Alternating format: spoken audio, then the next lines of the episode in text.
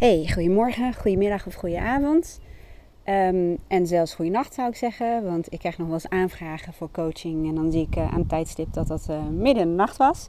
Niet zo gek natuurlijk, want um, heel veel mensen liggen dan wakker, piekeren. En soms is dan gewoon de maat vol en willen ze wat gaan doen. Maar goed, daarvoor ging ik mijn telefoon niet over doen om deze podcast op te nemen. En waarvoor dat wel was, is omdat ik um, aan het bedenken was van hoe kan ik nou eens met jullie gaan delen wat een innerlijke criticus is en hoe die je leven eigenlijk kan domineren. Als je mij al een tijdje volgt, dan zul je vast wel gehoord hebben van de voice dialogue methode. En dan zul je vast ook wel een beeld hebben daarvan. Zo niet, dan probeer ik echt even in notendop uit te leggen wat dat is. En dan gebruik ik de metafoor van een fantastisch boek, Ik en mijn ikken. En zij zeggen, in principe heeft iedereen een levensbus. Jij bent de chauffeur van de bus en in die levensbus zitten allerlei verschillende persoonlijkheidskanten van jou. In het boek noemen ze dat je verschillende ikken. Dat klinkt een beetje dubieus en dat klinkt misschien zelfs een beetje gek. Maar um, als je erover na gaat denken, dan wordt het eigenlijk wel helder dat we eigenlijk de hele dag, ze hebben zelfs gemeten hoeveel gedachten we per dag hebben, 60.000 tot 70.000, hebben we een soort van ja, stemmen in ons hoofd, gedachten in ons hoofd. En dat zijn dingen als, um, je bent lelijk, je bent dik, je hebt dit weer niet gedaan. Uh, dat had je anders moeten aanpakken. Of, oh nou, daar mag je best wel trots op zijn. Of, um, oh, die foto ziet er best wel goed uit. Er gebeurt van alles en nog wat in ons hoofd. En als je even terug gaat naar die levensbus, dan uh, moet je het zo zien dat in, um, nou, in het meest gunstige geval zit jij als chauffeur van je bus aan het stuur. Alleen is het zo dat we allemaal uh, primaire, dominante persoonlijkheidskanten hebben. En ik ga je nu niet uitleggen hoe die ontstaan zijn. Dat doe ik later wel een keer. Of luister even naar mijn andere uh, video's of podcast. Maar um, dominante kanten kunnen bijvoorbeeld zijn een perfectionist, een pleaser, een behager, een uh, ordelijke, een beheerste, um, even denken hoor, een, een creatieve, een losbol. Um, nou, dan ga ik even denken wat mensen in mijn praktijk uh, zeggen. De verantwoordelijke bijvoorbeeld, de zorgzame. Nou, dat soort uh, kanten. En vaak hebben we uh, ook kanten, of nou altijd, we hebben ook allemaal verstoten kanten. En die verstoten kanten hebben we metaforisch gezien achter in de bus gezet. Waarbij je ook moet bedenken dat er een kofferbak is waar een kant van jou in zit die er eigenlijk niet mag zijn. En misschien heel stiekem als je alleen bent. Um, we hebben ook allemaal een paar universele kanten. En um, ik ga ze niet allemaal noemen, maar ik ga er vandaag één in het bijzonder noemen. En dat is je innerlijke criticus. Er is een ook geweldig boek en dat heet De Innerlijke Criticus Ontmaskerd. Op mijn website um, slash wendyborst.nl slash boekenlijst, dan, dan zien we wel staan. Maar daar hebben ze het alleen maar over de innerlijke criticus. En dit is zo, ja, hoe moet ik dat zeggen? Het boek uh, is echt een eye-opener. Want wat zij um, vertellen is dat de innerlijke criticus als een soort radiostation aanstaat. De hele dag. En um, het is niet bepaald een opbeurend radiostation. De innerlijke criticus is eigenlijk net als al jouw andere kanten een soort beschermingsmechanisme. En ze hebben allemaal een goede bedoeling, allemaal een bedoeling om jou te beschermen in het leven. En een innerlijke criticus heeft um, als een van zijn doelen om jou te beschermen tegen kritiek van de buitenwereld. Dat klinkt een beetje dubieus, dubieus, maar dat doet hij door jou kritiek te geven in de hoop dat jij aan jezelf gaat werken, zodat je minder kritiek uit de buitenwereld krijgt. Is even een hele korte beschrijving. En ik zal je vertellen hoe je bijvoorbeeld jij, jouw eigen innerlijke criticus um, herkent. Ik ga eerst even een scheiding maken tussen mannen en vrouwen. Want helaas, pindakaas, moet ik dat toch doen. En als je het boek leest, Innerlijke Criticus, dan, ja, dan wordt ook geopperd. En ik vind het behoorlijk logisch klinken dat dat van oorsprong ook uit ons uh, geloof voortkomt. Of eigenlijk uit de Bijbel, het Adam en Eva verhaal. Hè? Eva die heeft uh, Adam een, een, appel laten eten. Ik ben het er nog steeds niet helemaal mee eens. Ik denk, Adam die heeft toch, niet die, die, die appel uh, door zijn keel geduwd. Ik bedoel, hij was er toch zelf ook bij. Um, anyway, uh, Eva is toch een beetje een, een uh, ja, wordt een beetje gezien als een, uh, ja, hoe moet ik dat nou zeggen? Er is een woord voor, maar ik kom er even niet op. Maar um, nou, ze was in ieder geval wel behoorlijk ongehoorzaam, laten we dat maar zeggen. En ze zeggen dat daar eigenlijk het verschil tussen mannen en vrouwen ten aanzien van hoe we er naar ontstaan is. Dat vrouwen minder zijn dan mannen. Is het niet zelfs zo dat het verhaal is dat wij uit de rib van een man zijn ontstaan? Is dat rib uit ons lijf? Dat komt vast daar vandaan. Maar goed, scheiding tussen man en vrouw. Want je hoeft de televisie niet aan te zetten. Ja, doe het maar wel, zeg maar. Of je ziet een reclame van um, een anti-rimpelcrème, uh, een dieet. Um, in elk geval, uh, reclames van vrouwen zijn erg gericht op het uiterlijk. Je mag vooral eigenlijk niet ouder worden. Ja, dat mag wel, maar je moet er wel uit blijven zien uh, als een ja, vrouw van 25 als het kan. En dan moet je ook heel veel moeite voor doen, heel veel versmeren, botoxen, weet ik allemaal wat voor toestanden je kunt doen om jezelf recht te trekken. En oh wee, als je uh, iets uh, dikker bent dan maatje 34, 36, dan, nou ja, dan staat de wereld eigenlijk ook wel een beetje op zijn kop. En als je tijdschriften openslaat, dan zie je ook allemaal gefotoshopte vrouwen. En dat is ons ja, referentiesysteem. Wij vergelijken ons daar gewoon mee, want daar worden we elke dag aan blootgesteld. Dat dat, um, ja, moet ik zeggen, dat land ook in ons onbewustzijn en zeker in onze innerlijke criticus. Onze innerlijke criticus die kijkt gezellig met ons mee over onze schouder naar de televisie en die vergelijkt onszelf van ja, die is mooier, die heeft strakkere billen, die heeft een strakkere buik. Oh kijk, die heeft uh, niet zulke wallen als jij. Of uh, die is ouder, maar die heeft wel minder rimpels. Of um, het, het, kan ook subtieler zijn, zoals van uh, oh die heeft een leuke jurk, die zou je ook moeten halen, want dat, dat zou je goed staan. En uh, toch heel even terug naar, um, heel even toch een bruggetje naar het ontstaan. Want daar moet ik in één keer aan denken. Het ontstaan van je innerlijke criticus, ja, dat, dat begint natuurlijk um, in je jeugd. Net zoals heel veel dingen. En dat wordt gevoed, die stem van je innerlijke criticus wordt in de eerste instantie gevoed door je ouders. En dat kan echt heel onschuldig zijn. Je hoeft echt geen trauma's meegemaakt te hebben of een, een hele vervelende ouder te hebben om een strenge innerlijke criticus te hebben. Dat is al bijvoorbeeld dat, um, stel uh, een moeder is uh, s ochtends boterhammetjes aan het smeren en de boel uh, aan het organiseren om de kinderen op tijd naar school te krijgen. En dan komt haar dochtertje van de trap af lopen. En ze kijkt ernaar en het kindje heeft zichzelf aangekleed. En um, nou, die heeft twee verschillende soorten sokken aan. En daar overheen heeft ze een soort sandaaltjes. En um, ze heeft een beenwarmer om de arm heen gedaan en een jurkje, maar daaronder, oh jee, zit ook nog een broek. En ze heeft lippenstift opgedaan van de moeder. En die moeder die zegt, oh nee, dat ziet er niet uit. Dat kan echt niet. Kom, even ga naar boven, even dat eraf halen en even iets anders aan doen. Zo kun je niet naar school. Met alle goede bedoelingen en intenties. Is dat ook een moment waarop de innerlijke criticus van dat meisje wordt gevoed? Eigenlijk zeg je daarmee, um, ja, eigenlijk wordt dat kindje een beetje aangetast in haar, um, ja, in haar creativiteit. Of nou ja, wat voor kanten het dan ook zijn. Maar die kijkt de volgende keer wel uit als ze zich weer uh, zelf aankleedt. En die moeder heeft natuurlijk een goede bedoeling. En, um, want als haar kind zo naar school zou sturen, ja, dan zijn al die blikken gericht op het kindje. En ook op die moeder van hoe laat je je kind, die laat je toch niet zo naar school gaan. Um, nou ja, zo ontstaat het. Bijvoorbeeld ook als uh, een, een, kindje een tekening heeft gemaakt en daar echt heel druk mee bezig is geweest. En die gaat naar papa, maar papa is druk met zijn werk, die is aan het overwerken. En dat kindje zegt, kijk dan papa wat ik heb gemaakt. En die uh, vader zegt, oh ja, ik zie het. Uh, ja, ik weet echt niet wat het is, weet niet wat het voor moet stellen. Nou, ik ga weer verder. Bijvoorbeeld. En um, net als dat, ik kleurde en tekende ook altijd. En um, ja, soms werd dat ook afgedaan als uh, ja, een beetje nutteloos. Hè? Ga iets anders doen. Dus dan onderdruk je of verstoot je eigenlijk een kant van jou. En um, nou ja, dat gaat met heel veel kanten zo. Dus eventjes dat bruggetje om je toch een klein beetje een beeld te geven van hoe zoiets ook heel onschuldig kan ontstaan.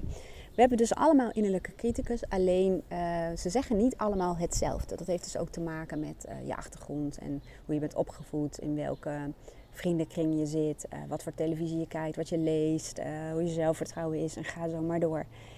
En ik wilde toch een paar video's en podcasts gaan maken over de innerlijke criticus, want hij is zo fascinerend dat hij echt niet in één video of podcast past. En er is ook zoveel over te vertellen. En eigenlijk wil ik met deze eerste videopodcast um, wil ik je kennis laten maken. Sorry. met je eigen innerlijke criticus. En ik heb dus nu iets in mijn keel. nou, ik weet niet of het weggaat. Anders ga ik gewoon al hoestend deze podcast of video gewoon verder opnemen. Um, en mijn innerlijke criticus zou zeggen, dat is niet professioneel. Je moet stoppen, je moet het opnieuw doen. Dat is sowieso bijvoorbeeld de stem van een innerlijke criticus. Want ik maak podcast en uh, af en toe gaat mijn app af. Want het is echt zo'n uh, ezel steeds uh, stoot zich wel tien keer aan dezelfde steen idee, weet je wel. En er zitten wat geluidjes in. Of, um, of ik zeg eh. En mijn innerlijke criticus die heeft me behoorlijk op de huid gezeten door te zeggen: doe alles overnieuw. Wat ik in het begin ook heb gedaan, maar er werd steeds geforceerder. En de natuurlijke flow is er ook uit. En hij werd gewoon behoorlijk saai. Dus um, ik heb er eigenlijk een andere kant tegenover gezet die uh, daar wat anders naar kijkt. En die uh, mij helpt om gewoon in een flow te komen en te blijven. En ook gewoon te gaan produceren. Want anders komt er natuurlijk ook uh, niks van terecht hè, als je innerlijke criticus maar aan het woord laat. Nou, even om onze innerlijke criticus um, te gaan leren kennen en herkennen. Ik vertelde dat bij mannen en vrouwen het net even wat anders is. In de meeste gevallen, er zijn heel veel uitzonderingen heus. Maar um, de meeste innerlijke criticussen van vrouwen zijn meer gericht op het uiterlijk.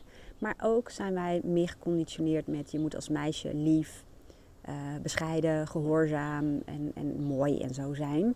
En um, je ziet bij uh, jongetjes is dat toch wat anders. Die laten boeren en scheten zijn daar ongelooflijk trots op vaak. Ja, bedoel, uh, het zal niet het eerste kind zijn dat een schetenwedstrijd doet, zullen maar zeggen. Nou, ik zie dat meisjes dus niet zo heel erg snel doen. En net als dat ze bijvoorbeeld op een gegeven moment in de puberteit komen. En jongens hebben, ehm, weet ik veel, de halve stad afgewerkt, als je begrijpt wat ik bedoel. Dan is dat, behoorlijke, dat is een behoorlijke prestatie. Maar doe je dat als vrouw, dan ben je, nou ja, een slet. En um, zo zie je dat de innerlijke criticussen van mannen en vrouwen over het algemeen andere dingen zeggen. En die van mannen zijn vaak meer gericht op ja, status, prestatie, succes, dat soort uh, zaken en mannelijkheid. Goed, um, hoe jij eigenlijk uh, eigen innerlijke criticus kunt gaan herkennen, is door vanaf nu eens op te gaan letten um, ja, wat de kritiek aan jezelf is. En ga er maar vanuit dat het vaak heel subtiel is. Omdat het zo vanzelfsprekend is. Omdat het dus als een radiostation aanstaat de hele dag door. Dus je weet eigenlijk niet weten. Nou, bij vrouwen uh, kan ik zeggen, je innerlijke criticus die ontmoet je over het algemeen ochtends al meteen in de spiegel. Die van mij zegt bijvoorbeeld, ja, je ziet wel dat je te weinig hebt geslapen. Want dan heb je meer lijntjes en kringen en uh, ja, je wordt toch wel ouder. Is de, en dat ooglid van jou, dat begint ook een beetje te hangen. Nou, dat moet je wel even proberen een beetje te camoufleren. En uh, oh, je ziet ook wel echt uh, die huid hè, bij de knieën. Ja, dat, is, dat wordt allemaal wel een beetje, een beetje slap. Ik denk toch dat je maar beter rokjes kunt gaan kopen die over de knieën heen gaan. Want ja, het ziet er eigenlijk niet uit. Um, wat zegt mijn innerlijke criticus nog meer? Als ik geen make-up op heb bijvoorbeeld, ik, ja, ik ben heel licht van mezelf. En uh, als ik mijn wenkbrauwen niet verf, zeg maar, dan zijn er twee van die uh, nou ja, lichtgevende uh, dingetjes boven mijn ogen. En mijn innerlijke criticus zegt, nou, zo kun je echt niet de deur uit. Want dan gaan mensen weer tegen jou zeggen, goh, ben je een beetje moe of zo? Dus, um, hè, dus in elk met mascara en een beetje, een beetje rouge op. En nou, dan mag ik de deur uit, maar liever niet. Wat mijn innerlijke criticus ook zegt is van... Um, hoe zit het eigenlijk met die buikspieroefeningen van jou? Dat zou je toch elke dag doen? Je bent gewoon een slapjanus, want je hebt het weer niet gedaan. Maar ondertussen zit je wel lekker chocolade eten. Um, ik probeer ook even wat innerlijke criticussen van andere uh, mensen um, uh, te, te, bedenken. Ik moet even teruggaan, even uit mijn ervaring. Uh, ik zie dan mensen voor me. Um, bijvoorbeeld, um, heel veel innerlijke criticussen zeggen bijvoorbeeld: je bent een loser, dat heb je niet goed gedaan, je hebt je targets niet gehaald, um, je bent geen goede vader, dat had je anders aan moeten pakken, je verdient te weinig geld. even denken, wat wordt er nog meer? Je bent te vet, je bent te vet. Bijvoorbeeld een uh, persoon die in de supermarkt aan boodschappen doen is en die nou ja, vooral gezonde dingen erin legt, omdat haar innerlijke criticus zegt van anders denken de mensen heb je weer zo'n vetzak met alleen maar ongezonde dingen in de kar. Uh, wat ook wel een leuk voorbeeld is. Een vrouw die uh, ging bij mij in de woonkamer staan en ze zegt: Weet je hoe ik eigenlijk naar het strand loop? En ze zei: Ze ook een pareo om, zo'n doek, weet je wel, om, om, je lichaam. Je bikini zit eronder en dan loopt ze naar de rand van het strand. En dan doet ze op het randje doet ze die bikini uit. Uh, sorry, ik werd even afgeleid omdat mijn telefoon van de schermvergrendeling afging. Ze deed niet bikini uit.